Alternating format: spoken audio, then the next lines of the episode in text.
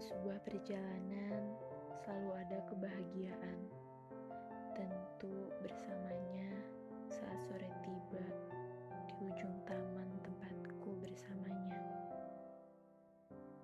Ada kalanya aku beristirahat, mendengarkan suara burung, dan sejuknya ketinggian di atas kota Bandung. Semua ini tentang perjalanan,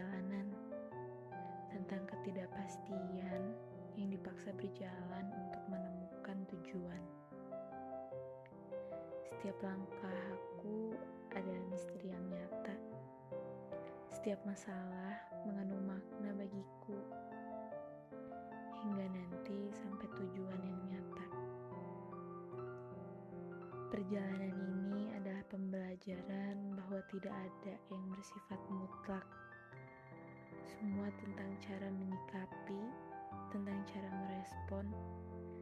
cara interaksi. Karena bagiku ini semua hanya ruang nyata yang seharusnya dihadapi menuju keabadian.